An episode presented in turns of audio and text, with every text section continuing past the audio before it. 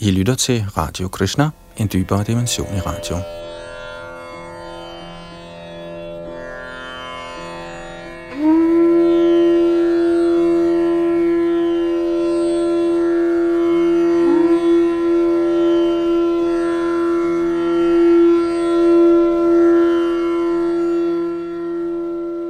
Vi skal øh, kigge på den nye danske oversættelse af Bhagavad Gita – og her er kapitel nummer 2, sammenfatning af Bhagavad Gita's indhold.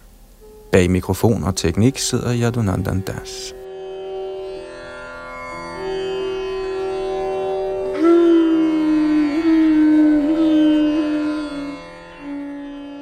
Tekst 1 Sanjay Uvacha Tam Tata Kripaya Vishtam Ashru Purna Kulekshanam Vishidantam idang vakyam uvacha madhusudanaha. Sanjay sagde, da Madhusudan Krishna så Arjuna overvældet af medfølelse, og meget nedtrykt med tårerfyldte øjne, talte han som følger. Hertil kommenterer A.C. Bhaktivedanta Swami Prabhupada. Materiel medfølelse, sorg og tårer er alle symptomer på uvidenhed om det virkelige selv. Medfølelse med den evige sjæl er selverkendelse. Ordet Madhusudan er vigtigt i dette vers. Herren Krishna dræbte dæmonen Madhu, og nu ville Arjuna gerne have Krishna til at dræbe den misforståelsens dæmon, der havde overvældet ham under udførelsen af hans pligt. Ingen ved, hvad medfølelse bør rettes imod. Medfølelse med drukne menneskes klæder er meningsløst. Den, der er faldet ned i uvidenhedens ocean, kan ikke reddes, blot ved at man bjerger hans ydre klæder, det vil sige den grove materielle krop.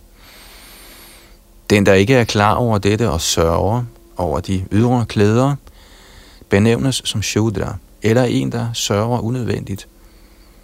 Arjuna var en kshatriya, og denne opførsel forventedes ikke af ham. Herren Krishna kan imidlertid fjerne det uvidende menneskes sorg, og med det formål talte han Bhagavad Gita. Dette kapitel instruerer os i selv erkendelse gennem et analytisk studium af den materielle krop og den åndelige sjæl. Sådan som det bliver forklaret af den højeste autoritet, Herren Sri Krishna. Denne indsigt er mulig, når man handler uden tilknytning til frugtbærende resultater og er fast forankret i forståelse af det virkelige selves uforanderlige natur.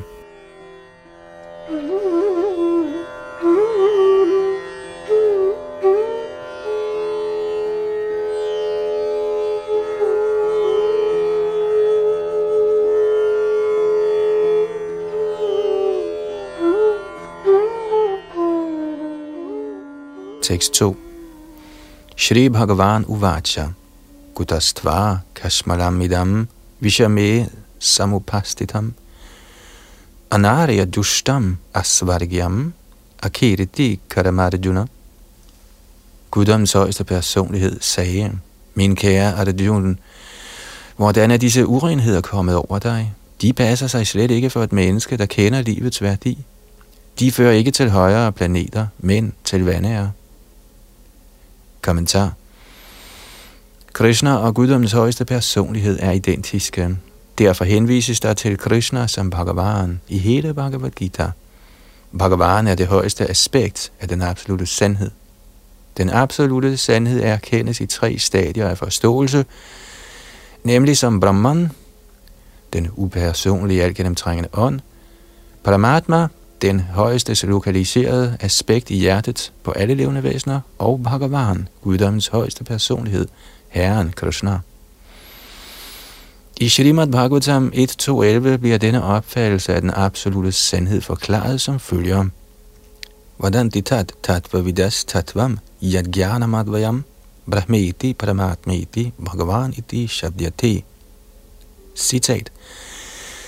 Den absolute sandhed erkendes i tre stadier af forståelse af den, der har kendskab til den absolute sandhed, og de er alle identiske. Disse aspekter af den absolute sandhed betegnes som Brahman, Paramatma og Bhagavan. Citat slut. Disse tre guddommelige aspekter kan forklares ved at anvende solen som eksempel. Solen har også forskellige aspekter, nemlig solskinnet, solskiven og selve solplaneten. Den, der kun studerer solskinnet, er en elev på begynderstadiet. Den, der forstår solskiven, er mere avanceret, og den, der kan trænge ind i solplaneten, er den bedste. Almindelige studerende, der nøjes med blot at forstå solskinnet, det vil sige, hvordan det gennemtrænger universet og den blændende stråleglans, der udgår fra dets upersonlige natur, er de, som kun har erkendt Brahman-aspektet af den absolute sandhed. Eleven, der har gjort yderligere fremskridt, kan forstå solskiven, der bliver sammenlignet med viden om den absolute sandheds Paramatma-aspekt. Og eleven, der kan trænge ind i selve solplaneten, er at sammenligne med dem, der har erkendt den absolute sandheds personlige aspekt. Derfor er bhaktarerne, det vil sige de transcendentalister, der har erkendt den absolute sandheds Bhagavan-aspekt, de bedste transcendentalister, selvom alle elever, der er beskæftiget med at studere den absolute sandhed, er optaget af samme emne.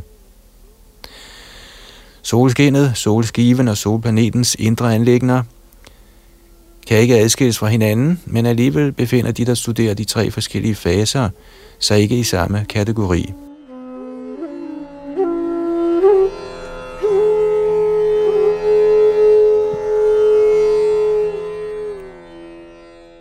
Sanskrit-ordet Bhagavan forklares af den store autoritet Padashata Muni, Vyasadevs far.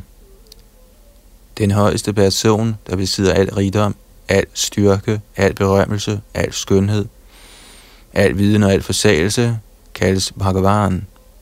Der findes mange personer, der er meget rige, meget magtfulde, meget smukke, meget berømte, meget lærte og meget utilknyttede, men ingen kan hævde til fulde at besidde al rigdom, al styrke osv. Det kan kun Krishna hævde, for han er guddoms højeste person. Intet levende væsen, indbefattet Brahma, Shiva eller Narayan, kan besidde samme grad af overdådighed som Krishna. Derfor konkluderer herren Brahma selv i Brahma Samhita, at herren Krishna er guddoms højeste personlighed. Ingen er jævnbyrdige med eller overgår ham. Han er den oprindelige herre, Bhagavan, kendt som Govinda, og han er den yderste årsag til alle andre årsager.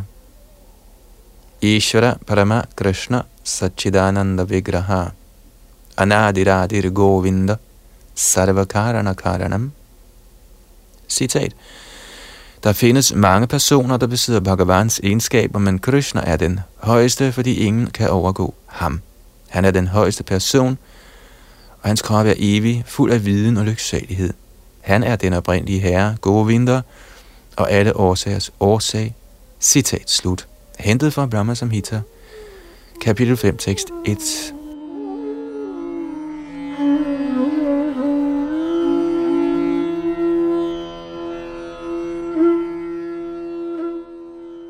I Bhagavatam er der også en liste over guddoms højeste persons mange inkarnationer – men Krishna beskrives som guddoms oprindelige person, fra hvem mange, mange inkarnationer og guddommelige personligheder ekspanderer sig. I det changsakala pungsa Krishnas tu bhagavan svayam indrari vyakulang lokam mridayanti yuge yuge. Citat. Alle fortegnelser over guddoms inkarnationer, som angives her, er enten fuldstændige ekspansioner eller dele af fuldstændige ekspansioner af den højeste guddom, men Krishna er selve guddoms højeste person. Citat slut. Bhagavatam 1.3.28 Derfor er Krishna, guddoms oprindelige højeste personlighed, den absolute sandhed og ophav til både oversælen og den upersonlige Brahman.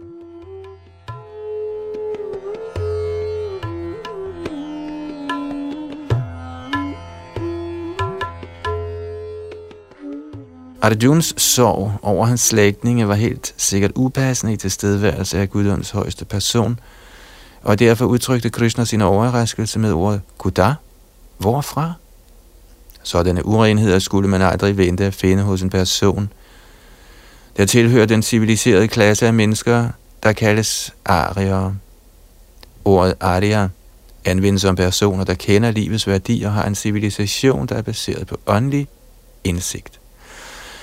Personer, der styres af den materielle livs anskuelse, ved ikke, at formålet med livet er at erkende den absolute sandhed Vishnu, Bhagavan, og de fortrylles af den materielle verdens ydre aspekter, og er derfor ikke klar over, hvad befrielse er.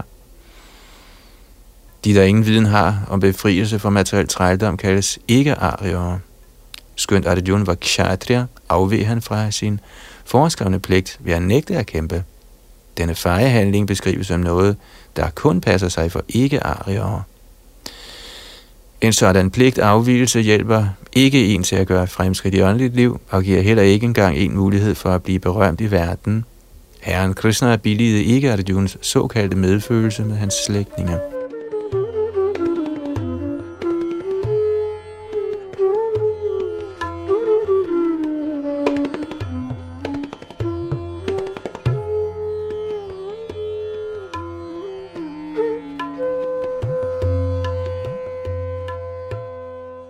6.3 Klaibhyang mas magamaphartha naitat tvayupapadyate kshudrang hridaya daurabalyang tyaktvo tishtha parantapa Giv ikke efter for denne ynkeværdige magtesløshed, o Pritas søn, for det klæder dig ikke. Opgiv denne smålige svaghed i hjertet og rejs dig, o fjendens tugter. Kommentar Arjuna blev tiltalt som søn af Pratar, der var søster til Krishnas far Vasudev. Arjuna var derfor blodbeslægtet med Krishna. Hvis en kshatriyas søn undslår sig for at kæmpe, er han kun kshatriya af navn, og hvis en brahmins søn handler ugudeligt, er han kun brahmin af navn. Den slags kshatriya og brahminer er uværdige sønner af deres fædre. Derfor ville Krishna ikke have, at Arjuna skulle være en kshatriyas uværdige søn. Arjuna var Krishnas mest fortrolige ven, og Krishna vejledte ham direkte på stridsvognen. Men hvis Arjuna på trods af alle disse fordele afstod fra at kæmpe, ville han begå en vandærende handling. Krishna bemærkede derfor, at en sådan indstilling hos Arjuna var upassende for hans personlighed – Arjuna kunne indvinde, at han ville afstå fra at kæmpe på grund af medfølelse med sine slægtninge og den meget akværdige Bhishma. Men Krishna betragtede den slags storsind som ren og skær svaghed i hjertet. Et sådan falsk storsind anerkendtes ikke af nogen autoritet. Den form for ædelmodighed eller såkaldt ikke-vold må derfor undgås af personer som Arjuna, der står under Krishnas direkte vejledning.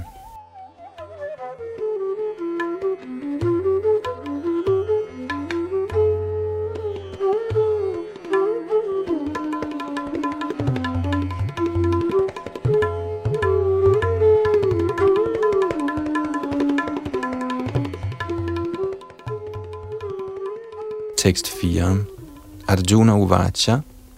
Katang Bhishmam Ahang Sankye. Dronang Cha Madhusudana. Ishubhi Pratiyotsnami. Bojarha Varisudana. Arjun sagde, O dræber af fjender, O Modhus, banemand, hvordan kan jeg gå til modangreb med pile på folk som Bhishma og Drona, der er min tilbedelse værdig? Kommentar. Respektable overordnede som bedstefaren, Bishma og læreren Dronacharya er altid tilbedelsesværdige. Selv hvis de angriber en, bør man ikke gå til modangreb imod dem. Det er almindelige kætte, at man ikke engang indgår i en verbal strid med overordnede. Selvom de sommetider kan være strenge i deres opførsel, bør de ikke behandles med strenghed til gengæld. Hvordan var det da muligt for Arjuna at gå til modangreb imod dem? Ville Krishna nogensinde angribe sin egen bedstefar Ugrasen eller sin lærer Sandipani Muni? Dette var nogle af Arjuns argumenter over for Krishna.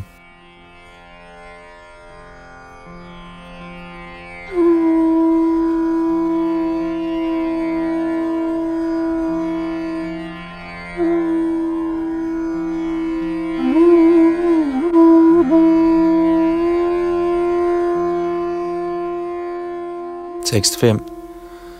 Guruna hatva himahanubhavan shreyo bhoktum baikshamapi haloki hatvaratha kamangs tugurung ihaiva bhunjiya bhogan rudhira pradigdhan. Det ville være bedre at leve som tigger i denne verden, end at leve på bekostning af livet af store sjæle, der er mine lærermestre. Selvom de begærer værtslig vinding, er de mine overordnede. Hvis de bliver slået ihjel, vil alt vi nyder være beplettet med blod.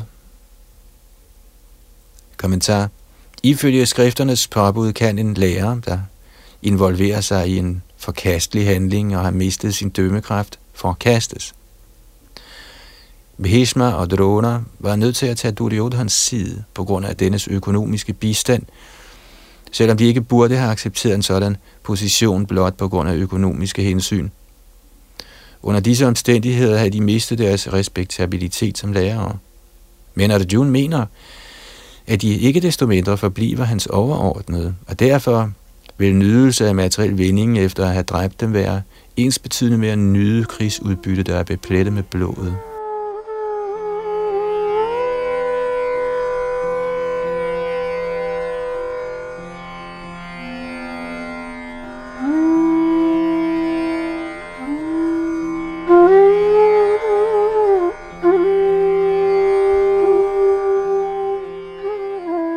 6.6 Nachaitad vidma katarang no gariyo Yadva jayema yadivano jayeyu Yaneva hatva najiji vishamas te vastita pramukhi dhardrashtraha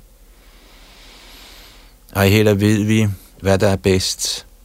At besejre dem, eller at blive besejret af dem. Hvis vi dræber Dhritarashtras sønner, vil vi ikke bryde os om at leve, og dog står de nu foran os på slagmarken.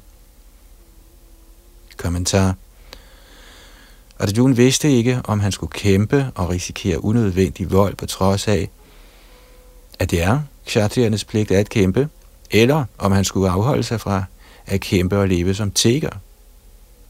Hvis ikke han besejrede fjenden, ville tiggeri være hans eneste levevej. Han kunne heller ikke være sikker på at sejre, fordi Begge sider kunne gå sejrende ud af slaget. Selvom sejren ventede dem, og deres sag var retfærdig, ville det alligevel blive svært at leve i Dhritarashtas sønders fravær, hvis disse skulle dø i slaget. Under disse omstændigheder ville det være en anden form for nederlag for dem. Alle Arjuns overvejelser viste uden tvivl, at ikke alene var han en stor hengiven, men han var også højt oplyst og havde fuldstændig kontrol over sind og sanser. Hans ønske om at leve som tigger på trods af, at han var født i en kongelig familie, er et andet tegn på utilknytning. Han var ægte retskaffen, som disse egenskaber, sammen med hans tro på Shri Krishna, hans åndelige mesters instruktioner viser. Konklusionen er, at Arjuna var den rette person til at blive befriet. Med mindre sanserne er under kontrol, kan det ikke lade sig gøre at blive ophøjet til kundskabens platform, og uden kundskab og hengivenhed er det ikke muligt at blive befriet. Arjuna var, ud over sine store materielle kvalifikationer, også kvalificeret på alle disse områder.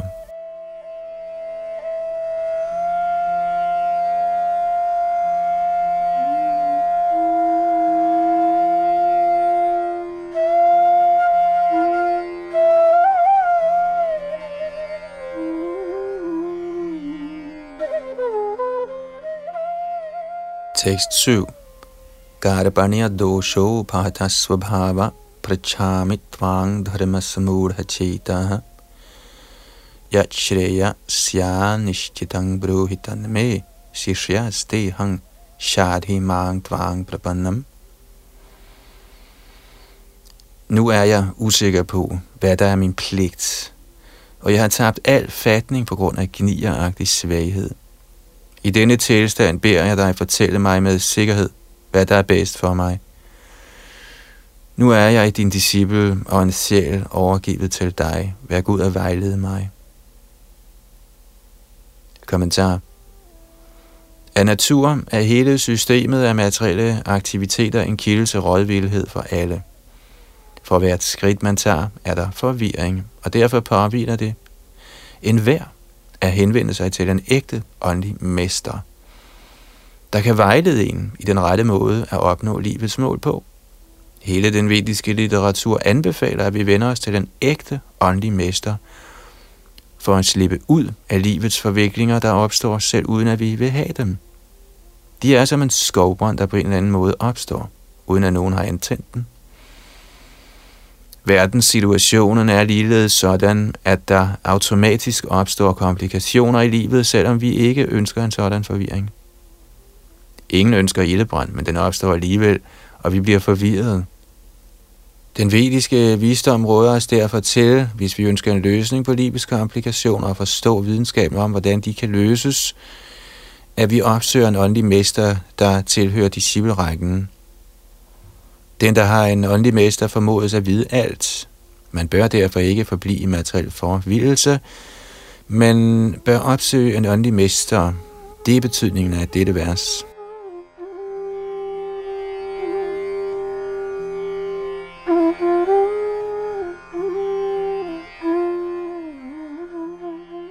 Hvem er det materielt forvildede menneske? Det er han, som ikke forstår livets problemer. I Brihadaranyaka Upanishad 3.8.10 bliver det forvildede menneske beskrevet som følger.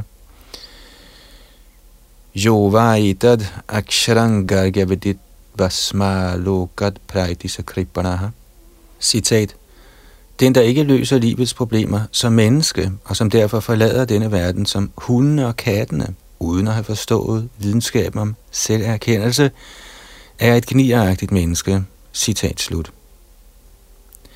Menneskeformen er et særdeles værdifuldt aktiv for det levende væsen, der kan anvende den til at løse livets problemer med. Derfor er den, der ikke benytter sig af denne mulighed, en gnier. På den anden side er der brahminen, det vil sige den, der er intelligent nok til at bruge kroppen til at løse alle livets problemer med. Yaitad aksharangarya vidit smalokad pratisa brahmana –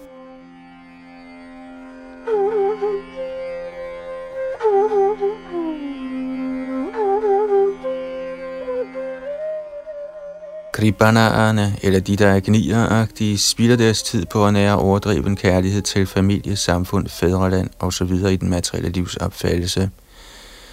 Man er ofte knyttet til familielivet, det vil sige til hustru, børn og andre familiemedlemmer på grund af i gåsøjne hudsygdom. Kriberen tror, at han kan beskytte sin familie mod døden, eller at hans familie eller samfundet kan frelse ham, når han selv ligger for døden. Den slags familietilknytning ser man selv i blandt lavere dyr, der også tager sig af deres unger.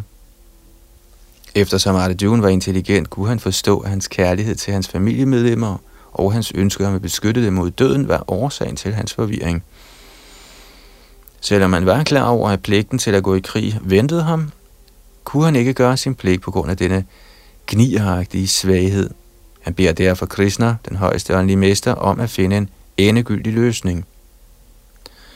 Han giver sig selv til Krishna som disciple. Han vil nu indstille al venskabelig samtale. Samtaler mellem mesteren og disciplen er en alvorlig affære, og nu har det June i sinde at føre en meget alvorlig samtale med den anerkendte åndelige mester.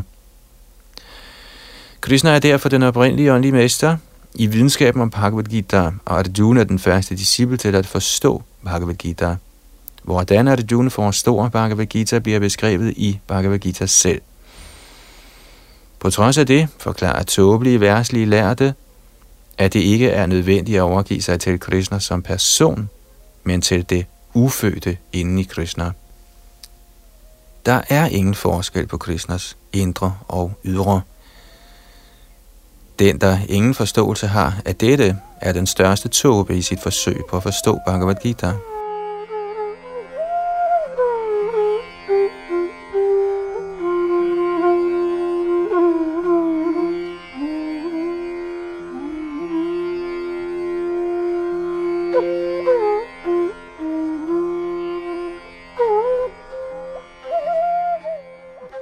Tekst 8.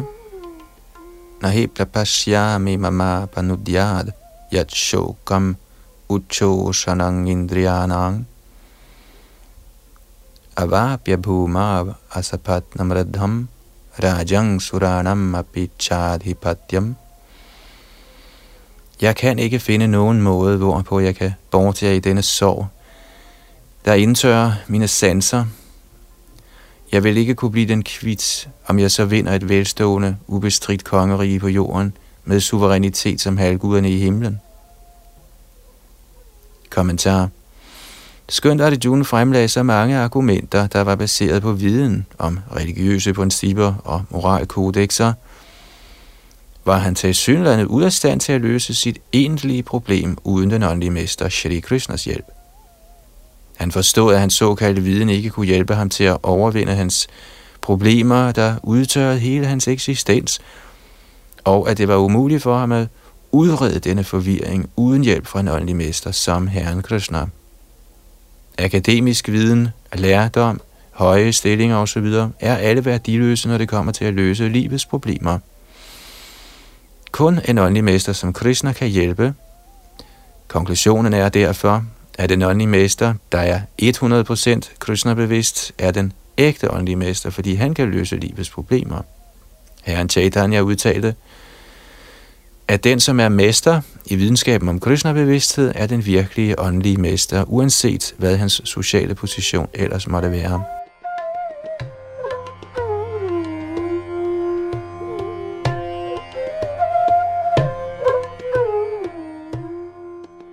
Kiba Vipra Kibanyasi Shudra Kene Noi Jai Krishna Tattva Vitta Shai Guru Hoi Citat det er lige meget, om man er en lært vibra, eller er født i en lavere familie, eller befinder sig i forsagelsens livsorden. Er man mester i videnskaben om Krishna, er man den perfekte åndelige mester. Citat slut. Og det er hentet fra Chaitanya Charitamrita Madhya Lita 8, tekst 128. Så hvis man ikke er mester i videnskaben om Krishna-bevidsthed, kan man ikke være en ægte åndelig mester.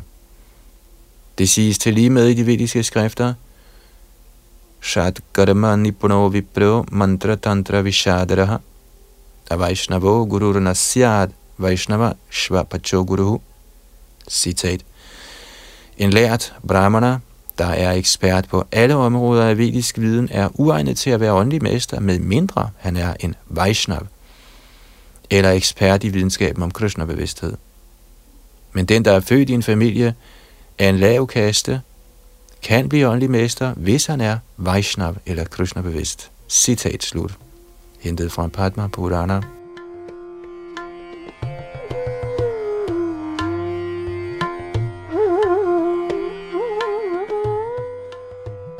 Den materielle tilværelses problemer, fødsel, alderdom, sygdom og død kan ikke modvirkes ved at samle rigdom eller gennem økonomisk udvikling – over hele verden er der lande, der har alle livets faciliteter og er velstående og økonomisk succesfulde, men ikke desto mindre findes den materielle tilværelses problemer stadig der. De søger fred på forskellige måder, men de kan kun opnå virkelig lykke, hvis de rådfører sig med Krishna eller med Bhagavad Gita og Shrimad Bhagavatam, der udgør videnskaben om Krishna gennem Krishnas ægte repræsentant, det vil sige den person, der er Krishna bevidst. Hvis økonomisk udvikling og materiel komfort kunne bortdrive ens bekymringer over familiemæssige, sociale, nationale eller internationale komplikationer, ville Arjuna ikke have sagt, at sætte et ubestridt kongerige på jorden eller suverænitet som halvguderne på de himmelske planeter ikke ville kunne bortdrive hans sorg. Han søgte derfor tilflugt i Krishna-bevidsthed, hvilket er den rette vej til fred og harmoni – økonomisk udvikling eller herredømme over verden kan kastes som kul hvert øjeblik. Det skal være af naturens omvæltninger. Selv ophøjelse til de øvre planeter, som mennesket nu stræber efter på månen, kan også ophøre på et eneste øjeblik. Bhagavad Gita bekræfter dette. Kshine punye mardhyalogang vishanti. Citat. Når resultaterne af fromme handlinger er brugt op, falder man igen ned fra lykkens tinde til den laveste livsstatus. Citat slut. Mange af verdens politikere er faldet ned på den måde. Sådanne fald er blot endnu en kilde til klage og sorg. Hvis vi ønsker at fjerne sorgen fra stedet, så må vi søge tilflugt hos Krishna, som Arjuna søger at gøre det. Arjuna bad Krishna om at løse sit problem for bestandigt, og det er den kristnerbevidste metode.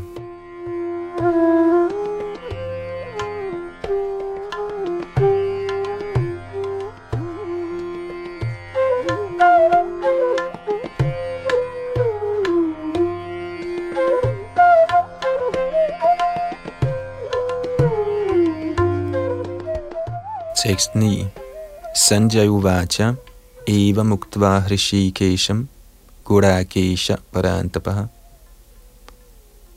Nayotsna iti govindam uktva tushning babhuvaha.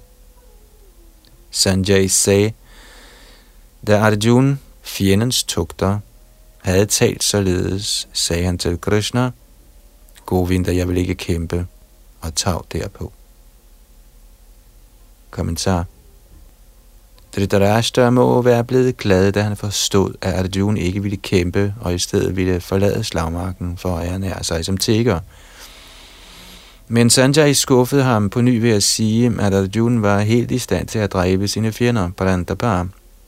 Skønt Arjuna for øjeblikket var overvældet af falsk sorg på grund af familietilknytning, overgav han sig som disciple til Krishna, den højeste åndelige mester. Han vidste, at han snart ville blive fri for den falske sorg, der udsprang af familiekærlighed, og ville blive oplyst af perfekt viden om selvrealisering eller Krishna bevidsthed, og derefter med sikkerhed ville gå i kamp. Eftersom Arjuna ville blive oplyst af Krishna og kæmpe til det sidste, ville Dhritarashtras glæde således blive gjort til skamme.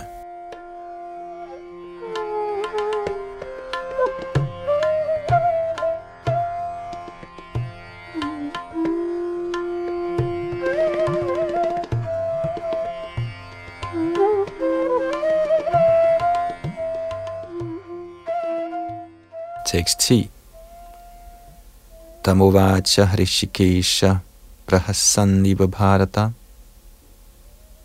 Senayor Ubhayor Madhye Vishidantam Idangavachaha. O Bharats ætling, derpå talte en smilende Krishna midt mellem de to herrer følgende ord til den sorgtyngede Arjuna. Kommentar.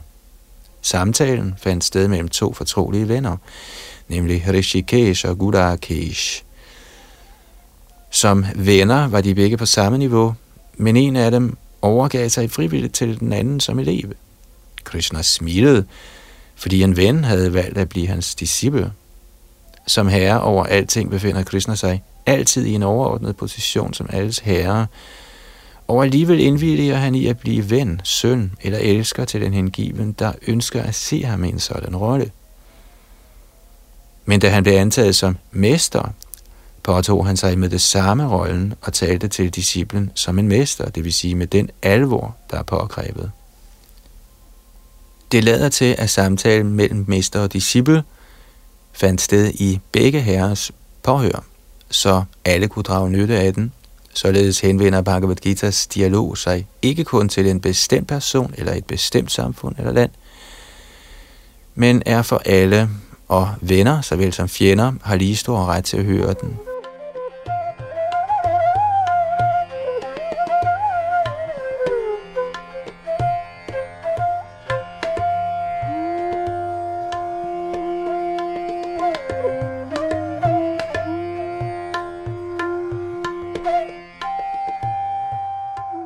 Tekst 11. Shri Bhagavan Uvacha Ashochan Anvasochastvang Pragyavadangscha bhashase katasun Agatasunscha nanusochanti Panditaha Guddoms højeste personlighed sagde, mens du taler kloge ord, sørger du over det, der ikke er sorgværdigt, de, der er vise, sørger hverken over de levende eller de døde. Kommentar. Herren påtog sig øjeblikkeligt rollen som lærer og i rette satte sin elev. Ved indirekte at kalde ham en tåbe. Herren sagde, du taler som en lært mand, men du ved ikke, at den, der er lært, den, der ved, hvad der er krop og hvad der er sjæl, ikke sørger over kroppen på noget stadie, hverken i levende eller død tilstand. Som det vil blive belyst i senere kapitler, betyder viden at forstå materie og ånd og herskeren over dem begge. Arjun hævdede, at der burde lægges mere vægt på religiøse principper end på politik og sociologi, men han vidste ikke, at viden om materie, sjæl og den højeste er endnu vigtigere end religiøse ritualer. Og fordi han manglede disse kundskaber, burde han ikke have fremstillet sig selv som en lært mand.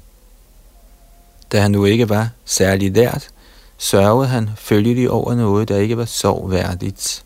Kroppen fødes og er forudbestemt til at gå til grunde i dag eller i morgen. Derfor er kroppen ikke lige så vigtig som sjælen.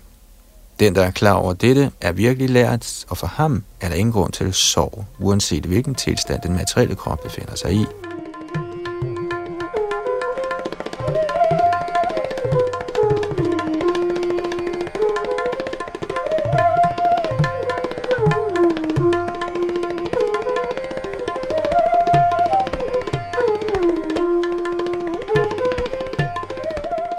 6.12 Natveva hang jatunashang natvang me janadipaha nachaiva nabhavishyama sarve vayamata param Aldrig har der været en tid, hvor jeg ikke eksisterede, og heller ikke du eller alle disse konger. Lige så lidt vil nogen af os ophøre med at være til i fremtiden. Kommentar i Vedderne, i Kota Upanishad, såvel som i Svetashvatar Upanishad, står der, at guddommens højeste person opretholder utallige levende væsener i deres forskellige situationer i forhold til deres individuelle handlinger og reaktioner på disse handlinger. Denne guddommens højeste person befinder sig også gennem sine fuldstændige dele i hvert eneste levende væsens hjerte. Kun helgenagtige personer, der kan se den samme højeste herre indeni og uden for alting, kan virkelig opnå fuldkommen og evig fred. Nityo nityanang chetanas chetananam ego mahunang yo vidadhati karman tamatmas tang yeno pashyanti dhiras deshang shanti shashvati nedaresham. Den samme vediske sandhed, der her gives til Arjuna, bliver givet til alle de personer, der fører sig frem som meget lærte, men i virkeligheden kun besidder ringe viden. Herren siger klart og tydeligt, at han selv, Arjuna og alle de konger, der er forsamlet på slagmarken for evigt, er individuelle væsener, og at Herren for evigt opretholder de individuelle levende væsener i både deres betingede og befriede tilstande. Guddoms højeste personlighed er den højeste individuelle person, og Arjunen, herrens evige omgangsfælde og alle de forsamlede konger er individuelle, evige personer. Det forholder sig ikke sådan, at de ikke eksisterede som individuelle personer i fortiden, eller at de ikke vil forblive evige personer. Deres individualitet var et faktum i fortiden, og deres individualitet vil fortsætte i fremtiden uden afbrydelse. Ingen har således nogen grund til at sørge over nogen som helst.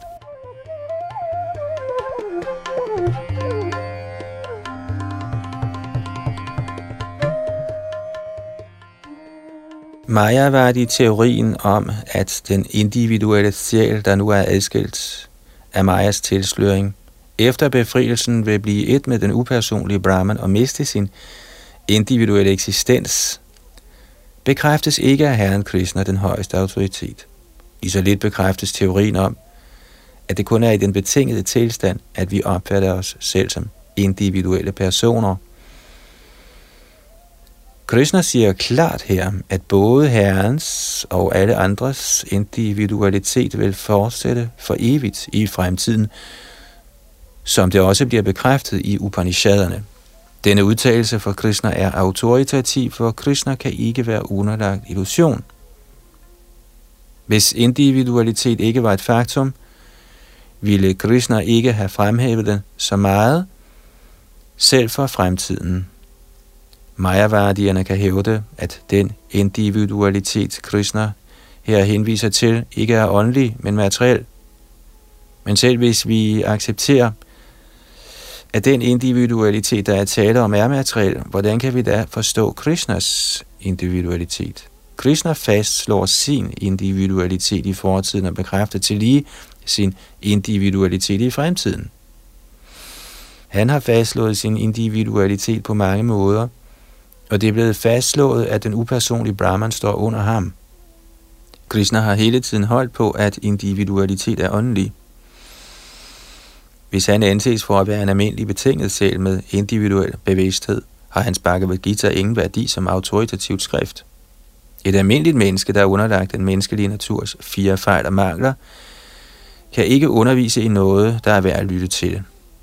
Bhagavad Gita er hævet over den slags litteratur. Ingen værslig bog kan sammenlignes med Bhagavad Gita. Hvis man accepterer Krishna som et almindeligt menneske, mister Bhagavad Gita al betydning. Maya-vardierne hævder, at den flertalsform, der bruges i dette vers, er materiel og henviser til kroppen. Men allerede før dette vers er en sådan kropslig opfattelse blevet forkastet. Hvorfor ville Krishna efter at have forkastet den kropslige opfattelse af de levende væsener, igen tillægge en kropslig materiel forståelse nogen værdi? Individualitet fastholdes derfor som en åndelig kvalitet, hvilket også bekræftes af store acharya som Sri Ramanuja og andre. Det bliver tydeligt omtalt mange steder i Bhagavad Gita, at denne åndelige individualitet kan forstås af dem, der er herrens hengivne. De, som er misundelige på Krishna som guddoms højeste person, har ingen autoritativ adgang til dette store skrift. Den ikke hengivnes studie af Bhagavad Gita minder om en bi, der slikker på et honningglas uden at smage på honningen ind i glasset. Man kan ikke smage honningen, medmindre man åbner glasset. På samme måde kan Bhagavad Gita's mystik kun forstås af hengivne, og andre kan ikke smage den, som det vil fremgå af fjerde kapitel i denne bog. De, der er misundelige på selve Herrens eksistens, kan heller ikke forstå Bhagavad Gita.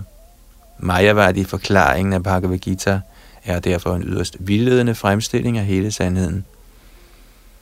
Herren Chaitanya har forbudt os at læse kommentarer fra Majavadier og advares om, at den, der følger en sådan Majavadi filosofisk forståelse, mister enhver evne til at forstå Bhagavad Gita's virkelige mysterium. Hvis individualitet henviser til det empiriske univers, er der ingen brug for Herrens lære. Både den individuelle sjæls og Herrens pluralitet er et evigt faktum, som det bekræftes af viderne ovenfor.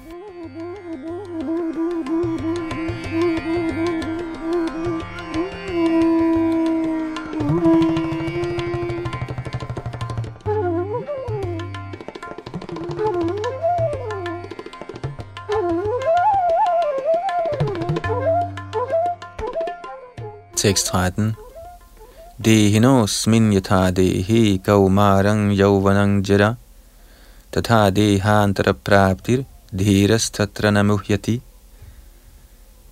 Ligesom den læmelige gjorte sjæl bestandigt vandrer i denne krop fra barndom til ungdom til alderdom, vandrer sjælen på samme måde over i en anden krop efter døden. En selvrealiseret person forvirres ikke af en sådan forandring. Kommentar. Eftersom alle levende væsener er individuelle sjæle, udskifter hver eneste af dem hele tiden sin krop og fremstår sommetider som et barn, sommetider som en yngling og sommetider som et gammelt menneske. Trods det er den samme åndelige sjæl der hele tiden og gennemgår ingen forandring. Den individuelle sjæl skifter til sidst krop ved døden og vandrer over i en anden krop. Og siden den er helt sikker på at få en ny krop i næste liv, hvad enten den er åndelig eller materiel, havde Arjun ingen grund til at sørge over hverken Bishmas eller Dronas død, som han ellers var så bekymret for.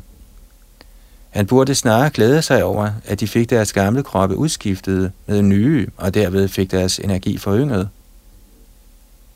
Den slags kropsudskiftninger forårsager forskellige former for nydelse og lidelse, alt efter hvordan man har handlet i livet – så Bhishma og Drona, der var ædle sjæle, var sikre på at få åndelige kroppe i det næste liv, eller i det mindste himmelske kroppe, i hvilket de kunne opleve højere nydelse i den materielle tilværelse. Der var altså ingen grund til at sørge i nogen af tilfældene.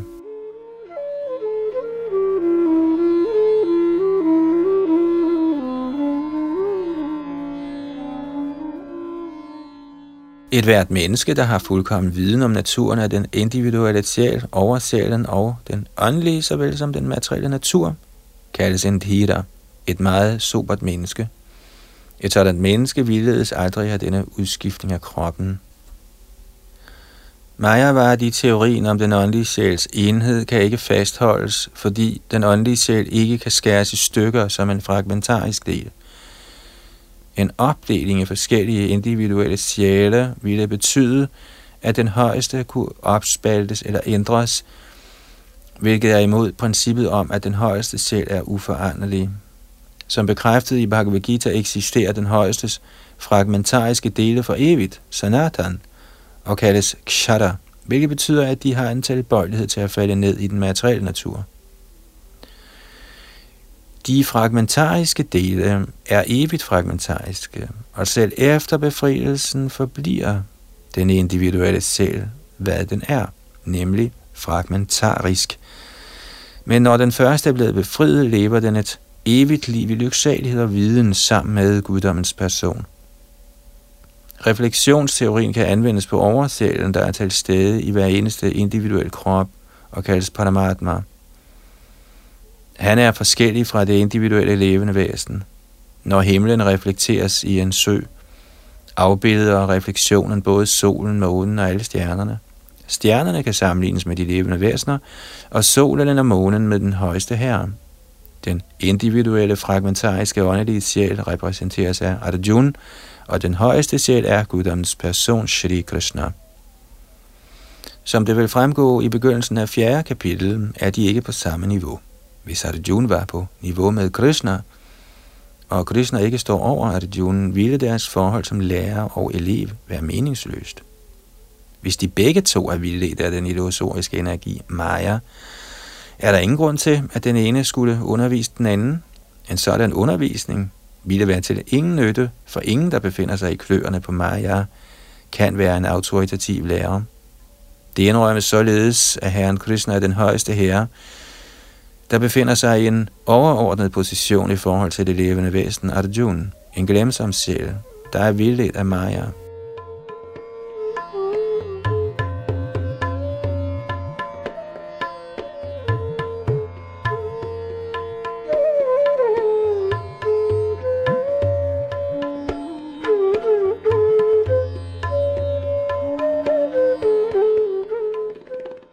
Tekst 14 Matra sparashastu kaunteya shitoshna sukha dukkha daha agama payino nityas tangs didikshas vabharata. de midlertidige forekomster af lykke og lidelse Ukuntis søn og deres forsvinden med tiden er som vinterens og sommerens kommende gåen. De opstår af sanseopfattelse, o Paratatling, og man må lære at tolerere dem uden at blive forstyrret. Kommentar. Under den korrekte udførelse af sin pligt må man lære at tolerere den midlertidige kommende gåen af lykke og lidelse. Ifølge de vediske forskrifter skal man tage bad tidligere om morgenen, selv i måneden Marg, der svarer til januar og februar. På det tidspunkt er det meget koldt, men på trods af det tøver en mand, der følger de religiøse principper, ikke med at tage sit bad. På samme måde tøver en kvinde ikke med at lave mad i køkkenet i maj og juni, der er sommerhalvårets varmeste periode. Man må gøre sin pligt på trods af klimatiske ubehageligheder. På samme måde er det kshatriernes religiøse princip at kæmpe, og selvom man må kæmpe mod en ven eller slægtning, bør man ikke afvige fra sin foreskrevne pligt. For at blive hævet til kundskabens platform, er man nødt til at følge de religiøse princippers foreskrevne regler og reguleringer. For kun gennem kundskab og hengivenhed kan man befri sig selv fra Majas illusionens klør.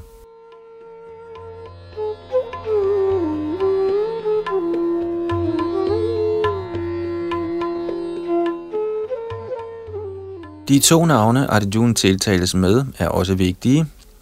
At tiltale ham som Kaunteya tilkendegiver hans ædle slægtskab på moderens side, og tiltale som Pardat angiver hans storhed på farens side. Fra begge sider forventes han at have en stor arv. En stor arv indebærer ansvar for at udføre sine pligter ordentligt. Han kunne således ikke undslå sig for at kæmpe.